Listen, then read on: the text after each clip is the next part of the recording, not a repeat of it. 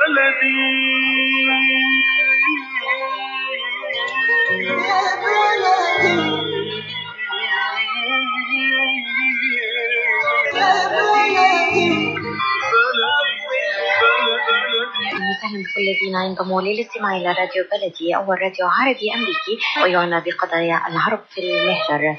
برامجنا في راديو بلدي كل يوم جمعة من الثامنة وحتى التاسعة صباحا في بث حي ومباشر عبر كي راديو 690 اي ام. صباح الخير بلدي صباح الخير لكل مستمعينا Welcome to Radio Baladi, the first Arab, Middle Eastern, and American simulcast radio show. Radio Baladi is broadcast every Friday morning on WNZK 690 AM from 8 until 9 Eastern Time on Good Morning Michigan. Our call-in number 248 557 3300. And now, stay tuned for the best radio talk show on Arab and American issues.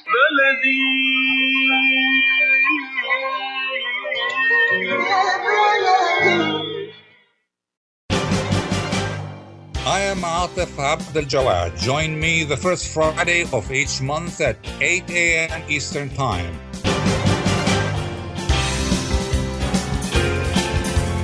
I will be discussing some of the most important issues and events in the Middle East live on America's Voice of the Arabs.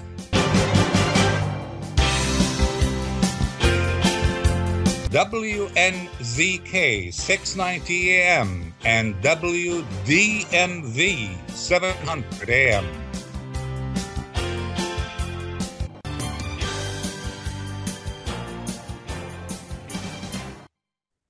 Good day, everyone.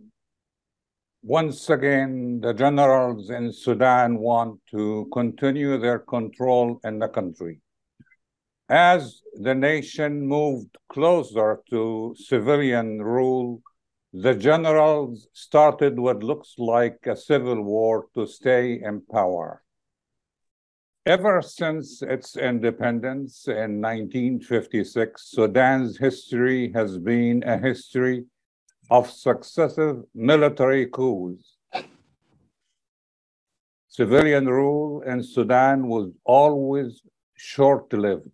This time, each military faction, there are two of them, there are three of them, there are four of them. Each faction is supported by external actors. And while Sudan is a bridge to gold and rare minerals in Africa, about 95% of its population live below poverty level. To discuss these issues, we have a group, a panel of uh, experts and uh, distinguished guests.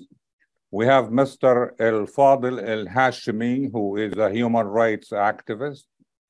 We have Professor Richard Chasdi, uh, of George Washington University, and we have Dr. Safi Saeed, Safi Saeed, who is a co-founder of Sudanese Canadian Health Professionals. Before we get started, I want uh, our audience to know that we are coming to you not just on radio, but also by video.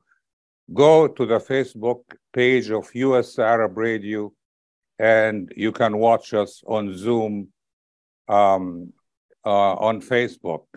My first question, I need to get the answer from all three guests. Um, and we start with Professor uh, Chasdi. And the question is, uh, what is the main reason, probable reason behind the outbreak of fighting in Sudan? Well, it's been reported that uh, there was a disagreement between General Dagalo and General Burhan over a consociational arrangement, in other words, a power sharing arrangement, which was the uh, activating factor, if you will, for this more immediate set of conflicts. But there have always been rivalries between and deep rivalries between General Burhan and General uh, And uh, this is reflected in terms of uh, the different, uh, in the case of Abu Rahman, who is uh, essentially what people call the de facto state of national interests, and the subnational interests of the rapid support forces, which are under the control of General Islam. Uh, that was an activating factor. And there are deeper factors in terms of personal rivalry than there is, as you've mentioned, this historical uh, uh, condition where uh, civilian rule has been short lived indeed, and that uh, the military has played a predominant role uh, in political affairs.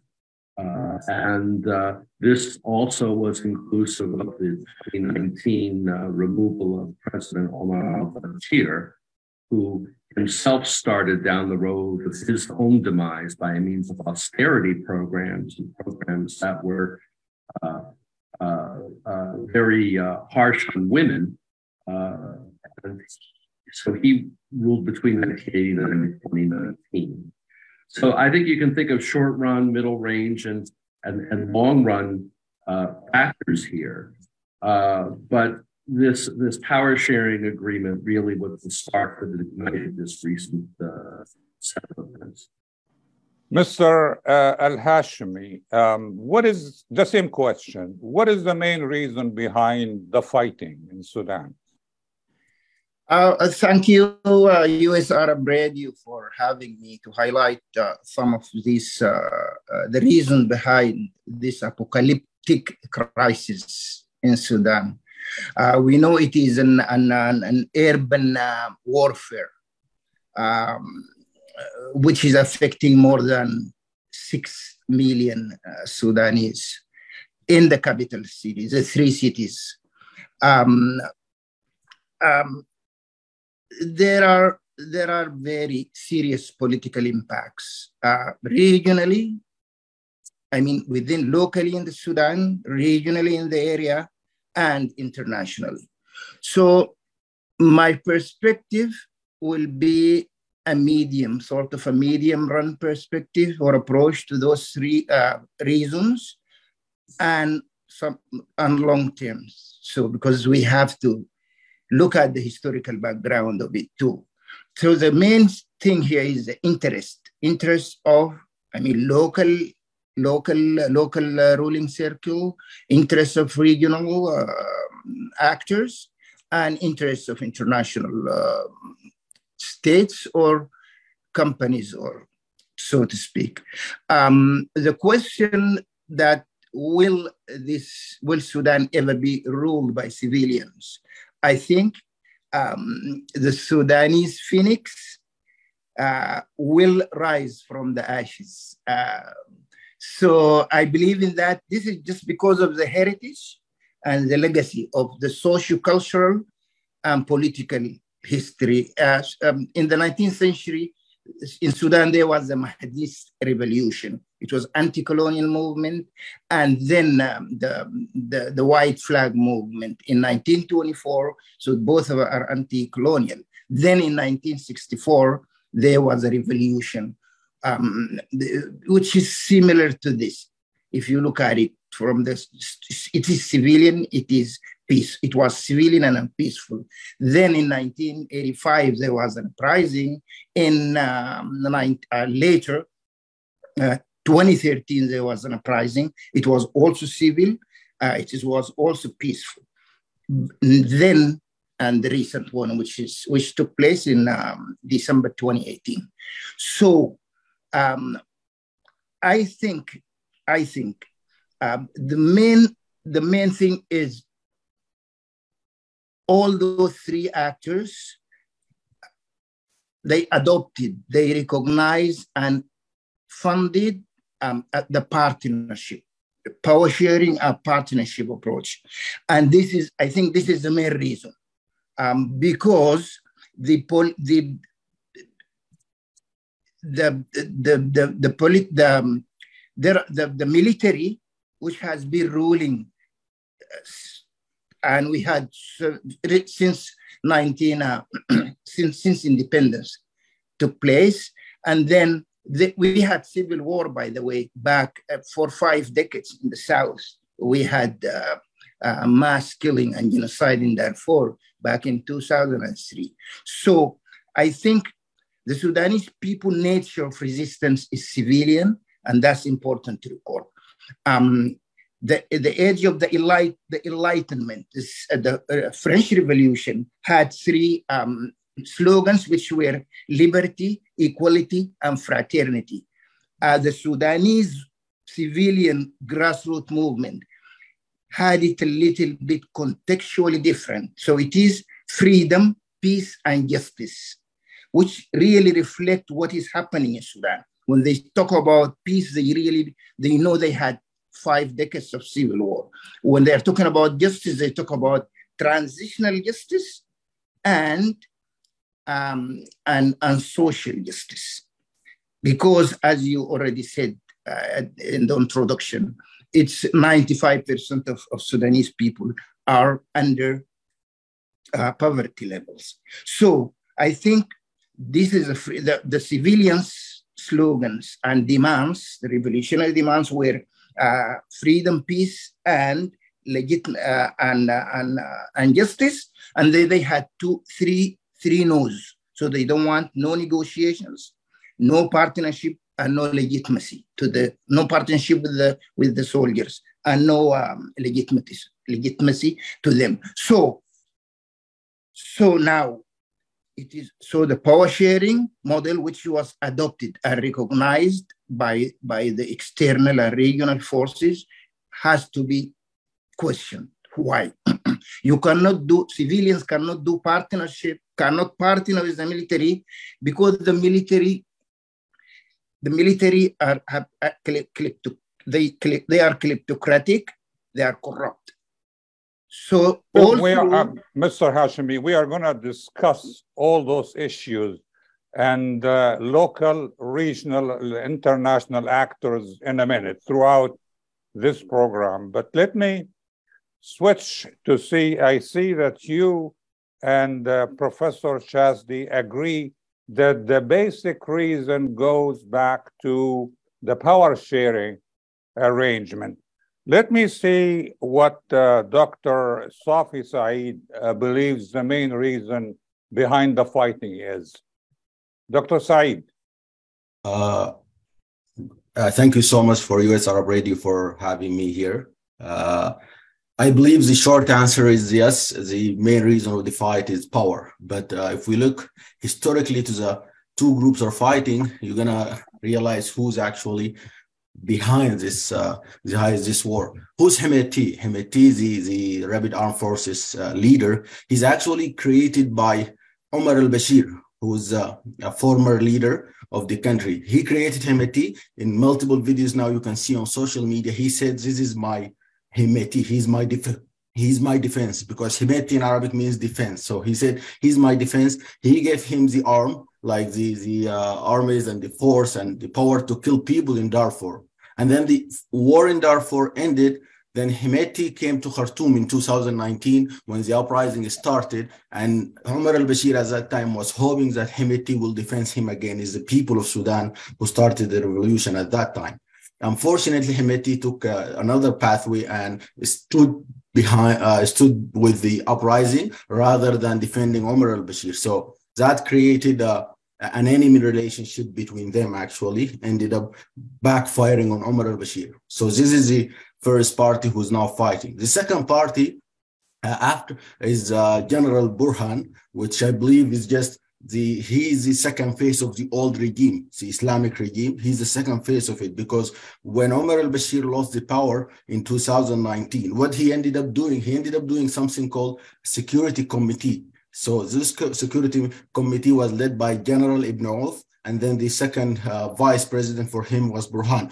All that committee uh, is Islamic committee, 100%. Everybody knows in Sudan for 30 years, you wouldn't get into the military high positions if you are not uh, loyal to the Islamic regime, to the uh, to the Islamic regime. Yes. So ended up uh, the old regime ended up bringing their second phase, which is include General Ibn who lost the power in two days after the uprising, and then uh, the power ended up with General Burhan.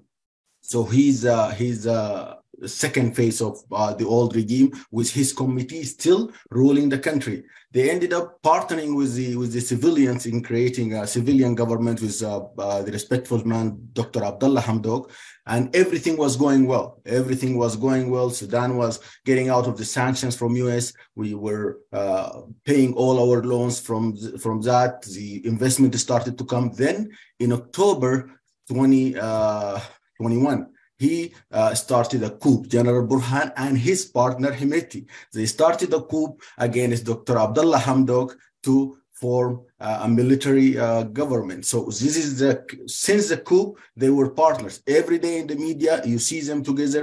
Everybody is uh, is high riding the other one. Hemeti says Burhan is the general leader, and Burhan says Hemeti and Rapid Armed Forces are actually part of the military Sudan. So they're not rapid armed forces are not uh, strangers. They are part of this uh, uh, of this military. They are part of the Sudan military. They have their own law. And then after, you know, when you have two thieves and they fight, they fight against each other, the victim appears. Now the victim is the Sudanese people now because now they're fighting to get the power between them. That there is there there's two parallel lines they cannot meet. So now one of them has to kill the other to power the Sudan using the uh, the armed forces.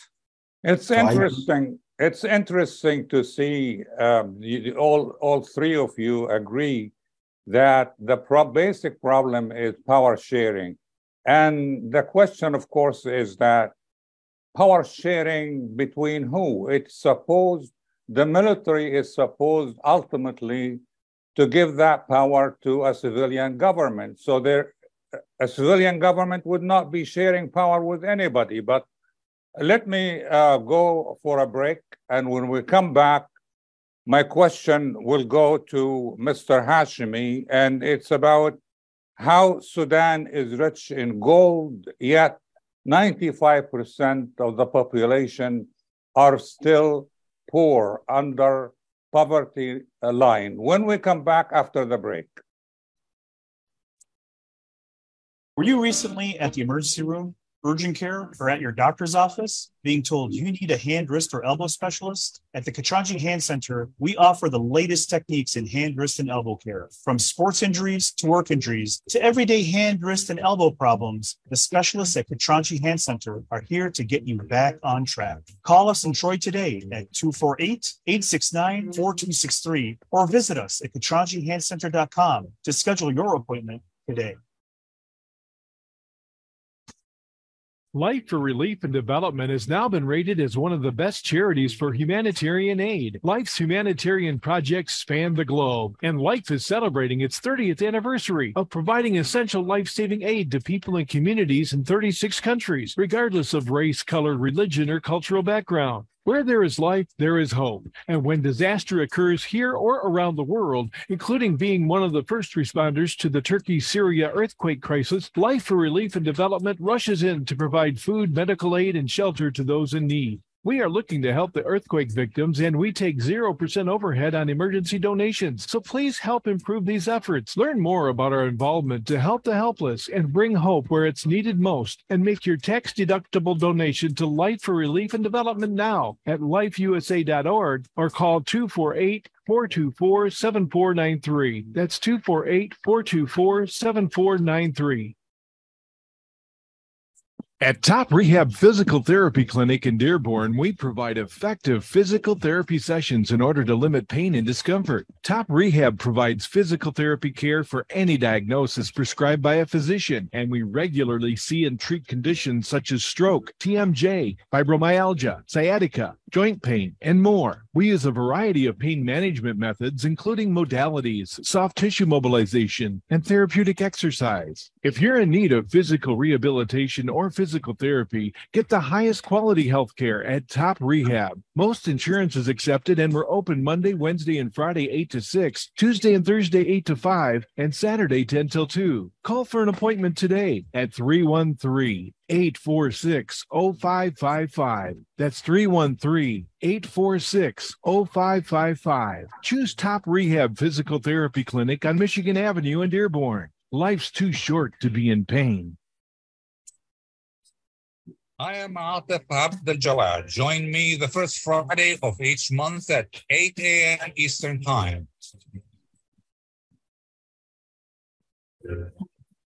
I will be discussing some of the most important issues and events in the Middle East live on America's Voice of the Arabs.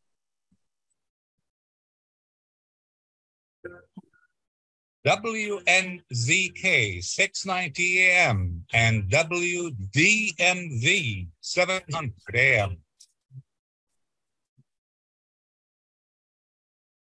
Welcome back to our discussion on um, Radio Baladi. We are discussing the conflict in Sudan. And my question now goes to Mr. Uh, Hashimi.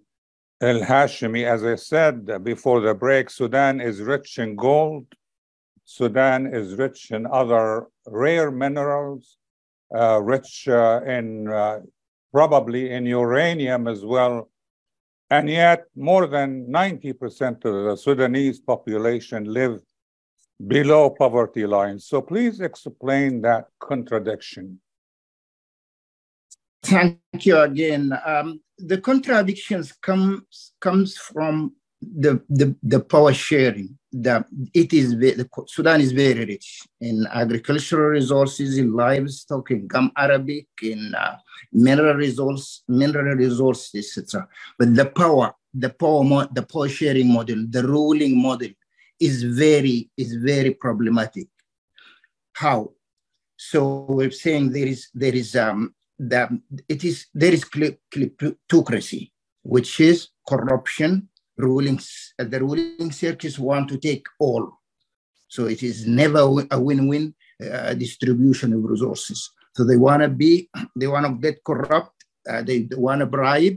They, they want to loot all these resources to themselves. So to do that, you need you need this is so this is I call this extreme exploitation. You need extreme ideology. So the Muslim Brotherhood came here.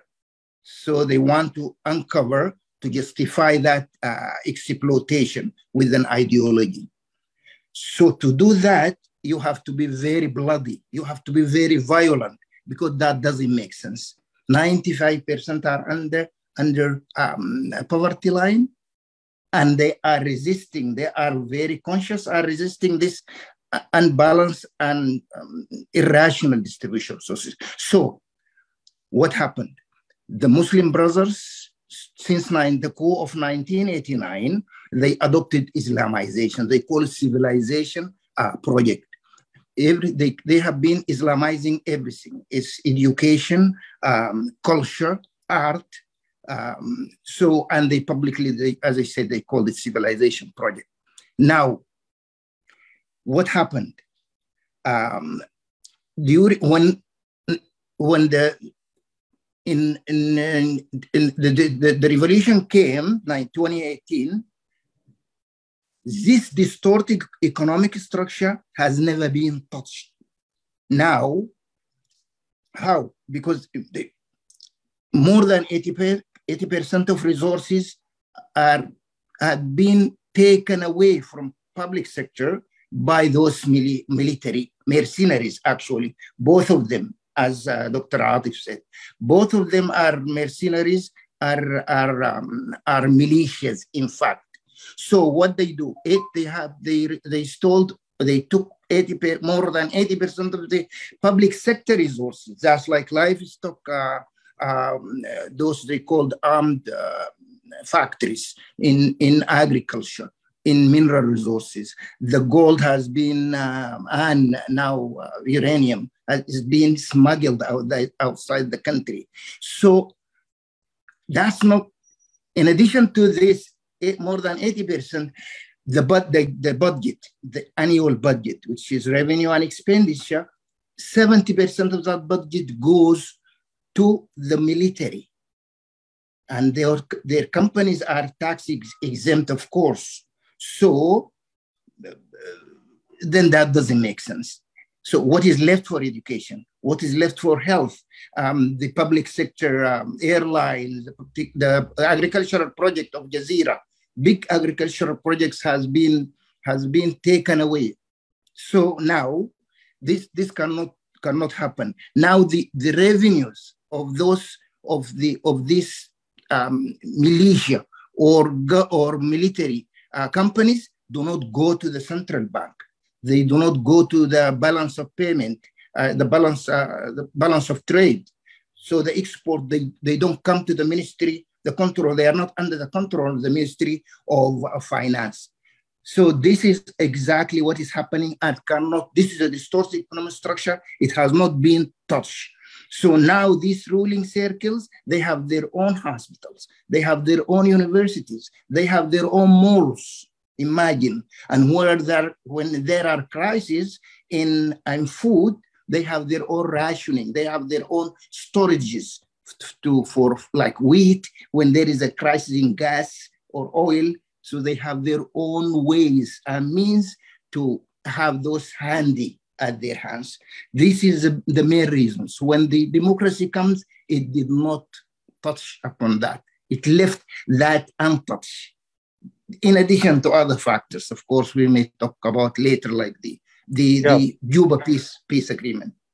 Let's see. Uh, thank you for giving us an, a clear image on the economic uh, structure and uh, domination of the military over resources and budget. Um, but let me um, move to the health uh, and medical situation.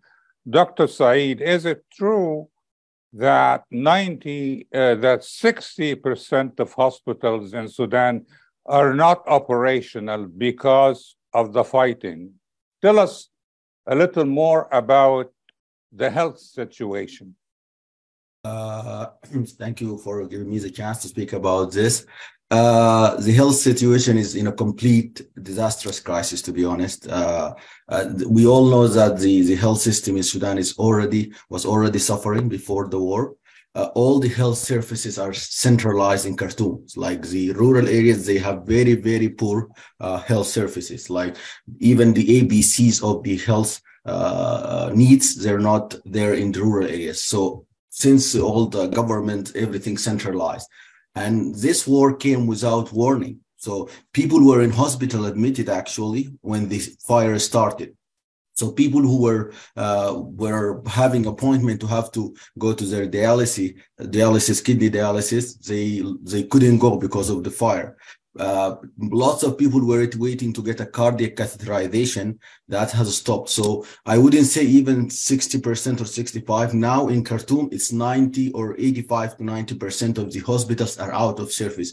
And when i say out of service it's not about elective services it's about emergency services i personally know in our organizations that the doctors they're asking there is now for example 12000 patients under uh, that requires uh, uh, kidney dialysis three times a week, the medications that use for dialysis, they're running out of it. So as of probably next week, nobody would be able to do dialysis. So that basically means slow death. So they, they die at homes. And we already know many of the civilians now, they, uh, they are they died at homes basically. There is no ambulance services. The uh, if you go outside in the roads there is lots of uh, fires and fighting. So if you don't get killed by your uh, medical problem you will get killed by shooting unfortunately. So the we've been asking uh, and from this uh, uh, point here i will ask the WHO and all those organizations they are trying to help i, I we reach out to the red cross and to the WHO and to lots of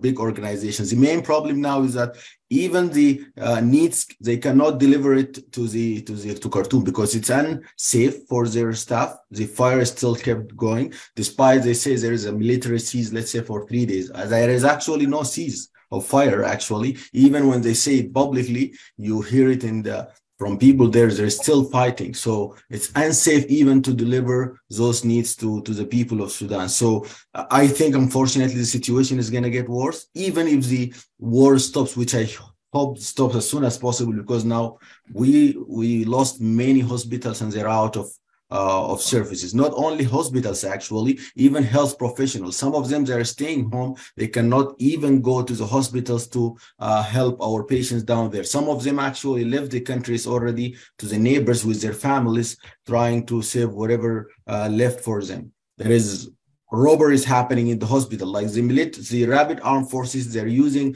uh, the hospitals as their caves. Actually, they go there. They know that the military won't uh, want uh, fire against the hospital. So they stay actually in the hospital and use people as as uh, protectors, like use uh, bodies as, protectors. This is the rapid armed forces. Now they're fighting inside the streets between people and the military. They have air forces, but they cannot uh, beat them just because there is uh, there is lots of uh, of infrastructure there is going to be damage. So uh, to answer the situation in a nutshell, it's it's a very very bad situation, and I, and I unfortunately I don't see it uh, getting better soon. But I urge everyone who's involved in the uh, decision maker higher like the United Nations, WHO, uh, all the neighboring countries, they have to work to do everything we can just to stop the fire. So for now, I don't care about who wins it, to be honest. I don't care about the militaries, old regime, or whoever takes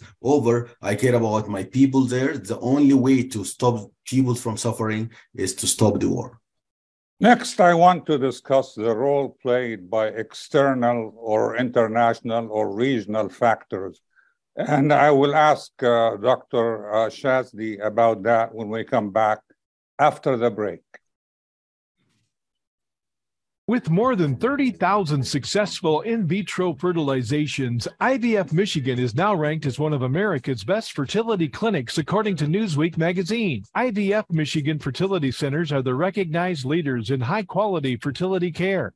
With locations in Bloomfield Hills and nine other cities in Michigan and Ohio, IVF has experts in all aspects of the field. A founding member, American board certified Dr. Nicholas Shama, is one of the leading reproductive endocrinologists in Michigan and Ohio. He has performed over 20,000 successful IVF cases, and it's helped thousands of couples fulfill their dreams of parenthood.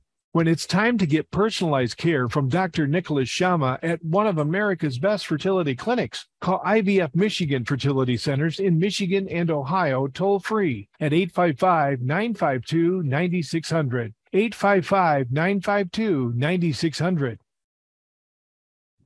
Get ready for an amazing experience at Ishtar Restaurant on 15 Mile Road in Sterling Heights. Enjoy excellent hospitality from owners Ali Al Baghdadi and Fatty Bottom, serving the best in Mediterranean food. Try Chef Ali Al Baghdadi's famous shawarma, the best Iraqi grills and food, and the best Arabic and international dishes. Dine in our authentic atmosphere or take out. Call 586 698 2585 or check us out on Facebook. Ishtar Restaurant practices all CDC guidelines and is open every day, 11 a.m. to 10 p.m. Have an amazing experience today at Ishtar Restaurant, 3625 15 Mile Road, Sterling Heights. In a perfect world, everyone would be a perfect driver. Hands at nine and three, everyone. Nine and three. Everyone would follow all the rules. Please go ahead and merge. I'll make room. Thank you, fellow driver. And nothing unexpected would ever happen. Even the squirrels would know the right time to safely cross the road. In this perfect world, you wouldn't have to wear a seatbelt. But in case you hadn't noticed, we don't live in a perfect world. About a thousand people in Michigan die each year in vehicle crashes, and thousands more are injured. Wearing your seatbelt reduces your risk of death in a crash by 45% in a car and by 60% in a pickup truck. So until we find a perfect world to drive in, make our imperfect world safer by buckling up. A message from the Michigan Office of Highway Safety Planning. I am Atef Abdel Gawad. Join me the first Friday of each month at 8 a.m. Eastern Time.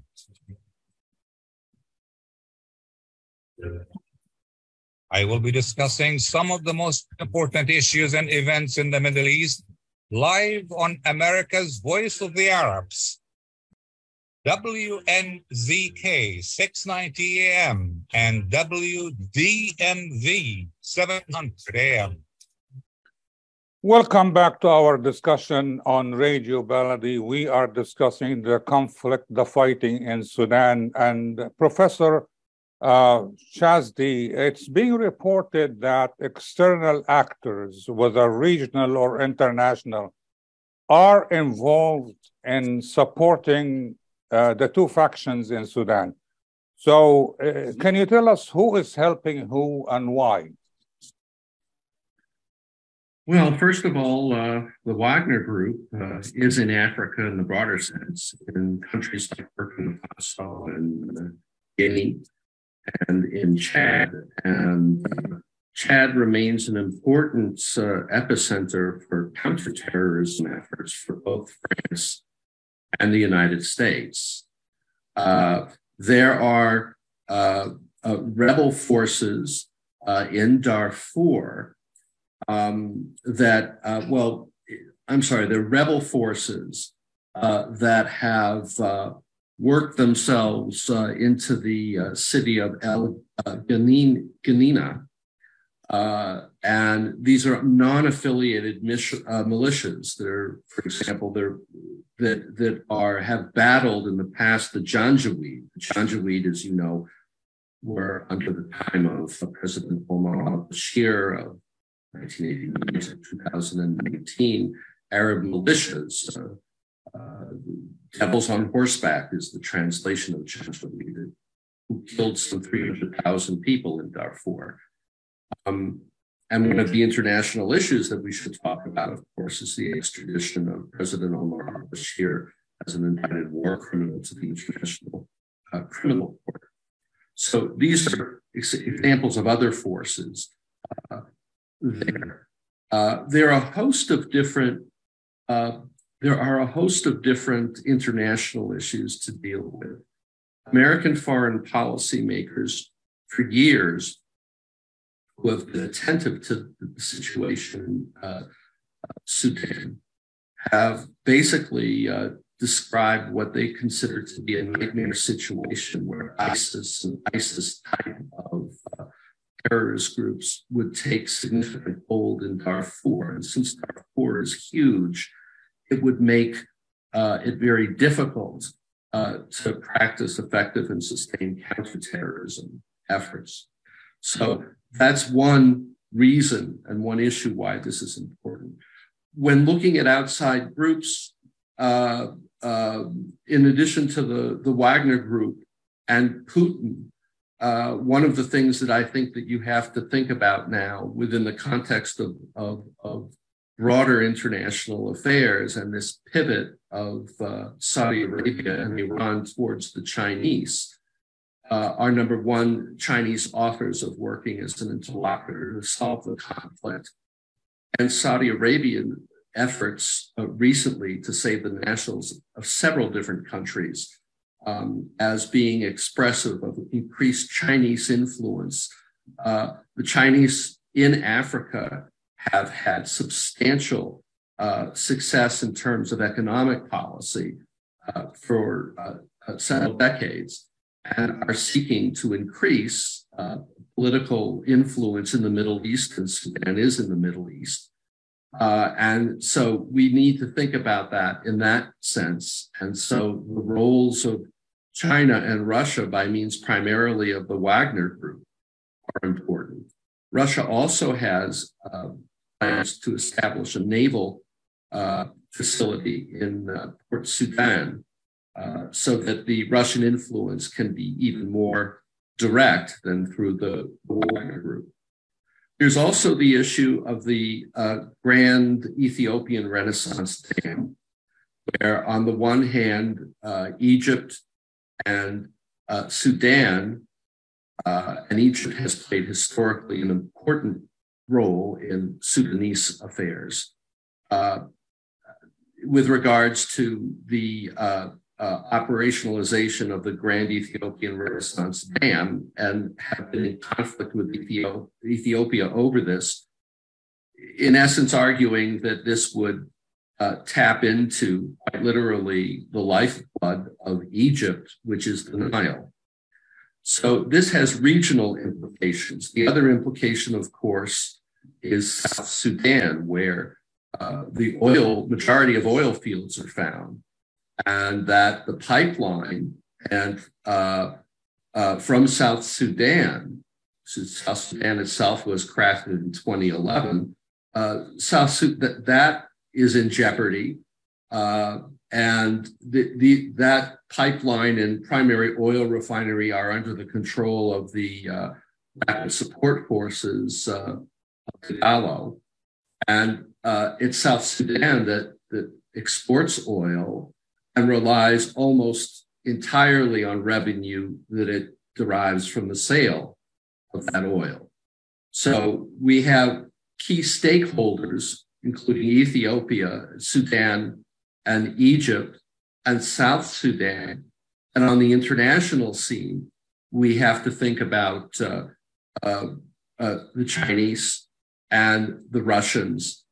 And this is another example where the Americans have essentially found themselves on the sidelines. There was an interesting uh, uh, editorial piece by Josh Rogin in the Washington Post uh, yesterday, where he pointed out that the United States did not support Sudanese civil society organizations.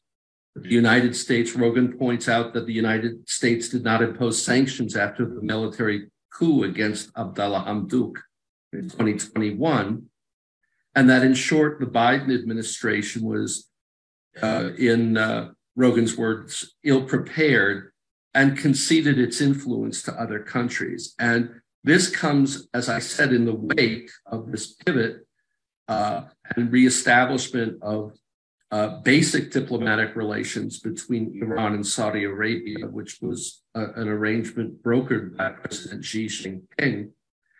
And uh, there, this really, I think, ultimately stems in, in terms of the more immediate era, era from the seemingly haphazard withdrawal of United States forces from Afghanistan.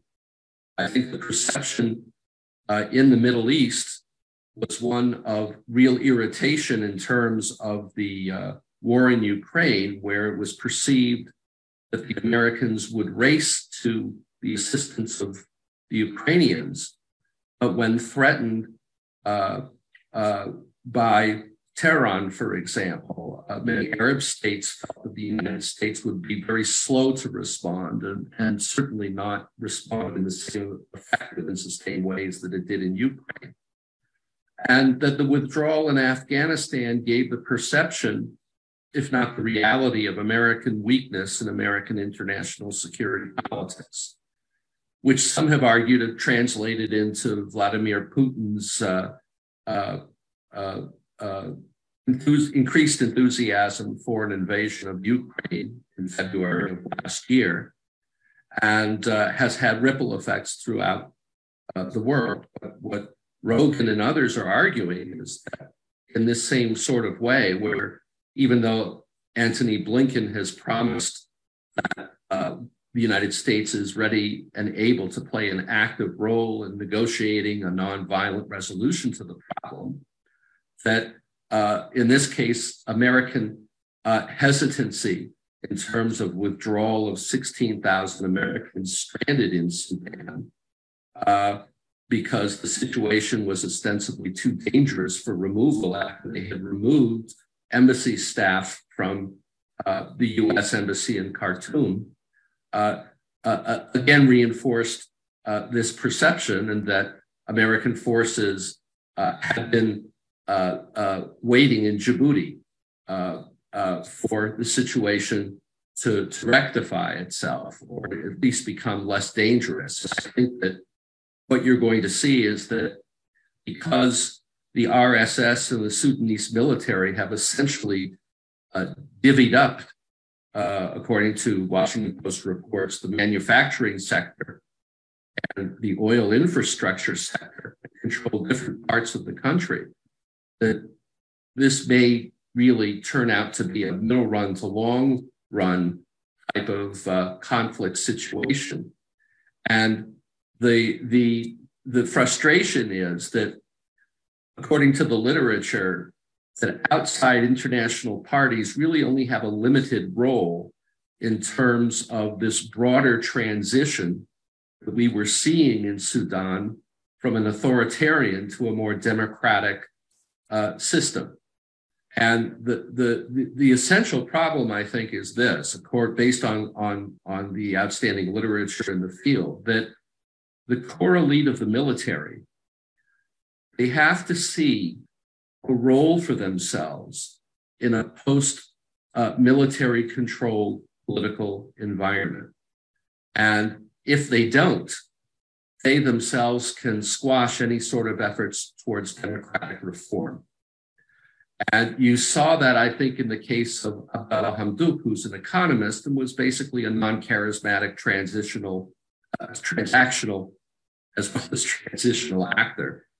Um, the other problem is that if moderates and those engaging in democratic reform uh, aren't moving fast enough, or the perception is they're not moving fast enough in terms of the pace of reforms, there are going to be advocates of reform that will shoot at moderates from the other side, saying that the pace of reform isn't fast enough.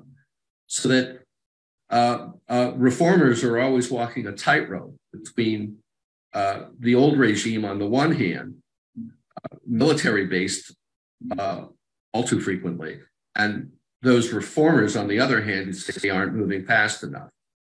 So the, the, the, the question has to be knowing that there's a limited role for international involvement in terms of pushing these two sides towards a ceasefire. And uh, knowing that each side at this point has not uh, come to what is called a hurting stalemate, where the existing conflict is just too costly to endure, and that efforts are made on the part of one or both sides to come to sort of some resolution to this. Uh, the idea is that outside uh, uh, international actors have to create a role for the military in, in, some form or fashion for the top figures in the military. And this includes Burhan and this includes Dagalo. Uh, and includes others that that gives them some reason uh, to commit to the transition to a civilian government. Okay, um, Professor Chasdi, thank you for the explanation. And uh, um, I need to invite a comment, a response uh, from um, Mr. Hashimi about the involvement or non-involvement of other external actors in the crisis, but when we come back after the break. Ziyad brand, quality products from our family to yours. Ziyad Brothers Importing offers the finest quality products, including brands like Sultan, Kraft, Nestle, Hook, Rico Picon, Donna, and many more. Ask your retailer to carry these fine products because you deserve the very best. For more information, visit our website at www.ziyad.com. That's www.ziyad.com. Ziyad, quality products from our family to yours. Are you going to start a restaurant or a grocery store soon? Do you need floor plans and designs? Call Naji Abood at 734-744-9796. Do you want to buy kitchen and restaurant equipment at discount prices? Call Naji Abood now, 734-744-9796. New Concept Products and Design, the trademark of kitchen equipment. 5% discount on all purchases of $75,000 or more. New Concept Products and Design, new location, 31 185 Schoolcraft in Livonia. Learn more at www.newconceptproducts.com. Call Naji Abood 734 744 9796. Kashat's Mediterranean Market in Shish Kebab offers a great array of your favorite Mediterranean meals. Meals range from lamb specialties, shawarma sandwiches, and seafood dinners. Plus, they offer big trays of your favorite food and so much more. Kashat's Mediterranean Market in Shish Kebab is located at 32839 Northwestern Highway in Farmington Hills and is open from 9 a.m. to 9 p.m. So stop in or call Kashat's today at 248 538 9552. That number again, 248 538 9552. Kashat's Mediterranean Market and Shish Kebab will definitely leave you satisfied. I am Atef Abdel Gawad. Join me the first Friday of each month at 8 a.m. Eastern Time.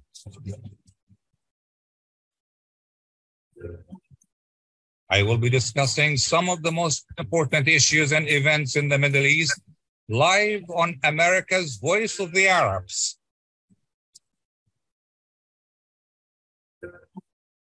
WNZK 690 AM and WDMV 700 AM. Welcome back to our discussion on Radio Baladi. We are discussing the conflict, the fighting in Sudan. And um, Mr. Hashimi, now we just uh, listened to a lengthy presentation uh, from uh, Professor Chasdi on uh, involvement or non involvement of international and regional actors in the conflict, the Sudanese conflict. Do you have any comment to make? Uh, yes, I will be adding to what uh, Prof. Chasdi mentioned. So I argue that the, the international community, I'm talking about the UN, the UN mission, the US, um, um, the Euro- European Union, um, um the um, the, the African Union, as well as the African Union. I'm, I'm also saying the, the, the, the neighboring countries, which she mentioned by names. So they implemented, they, they planned and implemented the whole thing since uh, the, the transitional government. Um, first of all, I know Joe Biden now is yesterday is is is is having those sanctions sanctions that's too little too late. But according to, I mean, responding to your question, so those, those external uh, factors, what they did, they, eh, they have been treating the rapid support forces as a peer to the armed forces. When they're talking about merging um, in the recent uh, negotiation, uh, negotiating uh, deal uh, as peer to the armed forces when talking about mergers. That's one example. The second example, we knew all. It is reportedly, reportedly that the European Union supported and funded actually gave money to the rapid support forces, the Janjaweed militia, um, to stop my immigration from the, uh, along the borders, the Libyan, Sudanese borders, the migration of Sudanese, Eritreans, and Ethiopians. So they were funded that empowered the rapid support forces. So I think this is this is this is a great deal of involvement, which is very damaging to the Sudanese situation, to the balance. This is like actually making them as mercenaries. So the yeah, we know all they were they they they, they supported the they participated in the in the in the Yemen in the Yemeni uh, war. So the third the third the third involvement, which was very negative and damaging, was planning and implementing the Juba peace agreement. So the conflict resolution model of splitting power and wealth among the leaders, the top ranking of the of the armed forces, the, the, the armed movements. So they instead of supporting the real displaced people the, in, in, in camps in, in Darfur, they were supporting their, their granting quotas, financial quotas, ministerial uh, positions to, um, to, to, to the leaders of the armed forces. So that's, that's definitely a very negative uh, involvement.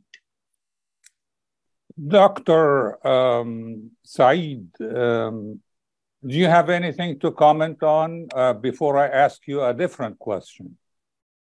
Yeah, I don't think uh, not not much about the uh, involvement from from uh, international, but I believe it's still the solution between people of Sudan. I, I understand the U.S. role, I understand the European role, but this is not uh, something happened just this time. This is, has been happening since the uh, like independency since uh, 1956 we haven't formed a good country for a while we haven't formed a, a stationary democratic country even before involvement of those parties so i understand the role from other sides but people of sudan those leaders uh, have to sit down. They have to understand now they're damaging the country, they're damaging the, the people. They won't find people even to rule, to be honest. They won't find the country to rule after damaging the whole country. So uh, I think the solution still has to come from the people of Sudan themselves, including the rapid armed forces, including or the militia of Janjaweed, including the army, including those armed movements. Now, as a medical expert, uh, uh, my question to you is uh, that, um, as you know, Sudanese refugees are flooding neighboring countries and complicating the fragile economy of those countries. Uh, so, um, uh, my question is twofold. One is that your concern about the medical condition of those refugees. I know we know that we have additional refugees from Syria, from uh, Iraq, and different uh, countries flooding uh, the region, uh, but also the fragile economy of those countries. Most of those countries um, have their own economic problems. So, how do we deal with that? It's a very, very complicated situation. As you said, we the world is flooded with lots of refugees, including the recent one, the Ukrainian ones but uh, uh, I think two parts. First of all, we have to help those people. This is not their this is not their mistakes. They didn't do anything before. They were living in a safe environment, but unfortunately, the situation led them to move to a safer place. Some of them, they're, as you said, some of them, they're sick. They have medical needs. They need medical treatments. And uh, most of them, they went to Egypt, the closest country. But we know, as you said, Egypt are suffering economically. So I believe the big, the big countries have to step in. So for example, I urge here from, from this position, the Canadian government to step in and to uh, to host some refugees and to open a temporary residency visa for those Sudanese people, same like they did with the Ukrainian uh, with Ukrainian nations to help them to fast uh, faster track to the a safer uh, country. I don't believe there will be an economic burden on the country here because most of those people actually they're professionals. They can be implemented in the immigration system easily. There is countries that based on immigration so same like canada here they have a big uh, immigration system so they can actually implement those people into the community. Yes it will take time but as Sudanese organization like Sudanese Canadian health professionals and other organizations were ready to help even by sponsoring those families individually. If they created a sponsorship program, for example, for immediate family members, I believe most Sudanese people who reside in US or Canada or all European countries, they will be able to help in sponsoring those families uh, and, taking their needs until they get a job and get implemented in the system because it seems to be this is going to be a long, long uh, war. But also the uh, refugee organizations, the United Nations, they have to support the countries, the neighboring countries in uh, helping those people. They have to provide them needs. And from here, I urge everybody to donate for Sudan. We have a big GoFundMe uh, uh, initiation for donation to Sudan to help those people. We're with them directly. We have lots of people in the border between Egypt and Sudan. They don't have a visa to go to Egypt. They they lost their money. They can't even have their meals. So we're sending them money as as non-profit organization. But we need we need support either from government or from individuals. Uh, Professor Chasdi, we have uh, very little time left, uh, about one minute or less. Uh, so, in the remaining time, little time we have, uh, some analysts believe the fighting in Sudan is a first step in the competition over Africa, uh, superpowers or big powers, maybe after the rare minerals in Africa. I, I think that Sudan serves as a microcosm of greater competition uh, in what's called a uh, I consider it, uh, in the words of John Mearsheimer, a balanced multipolar system. In other words, that there's no longer any hegemon.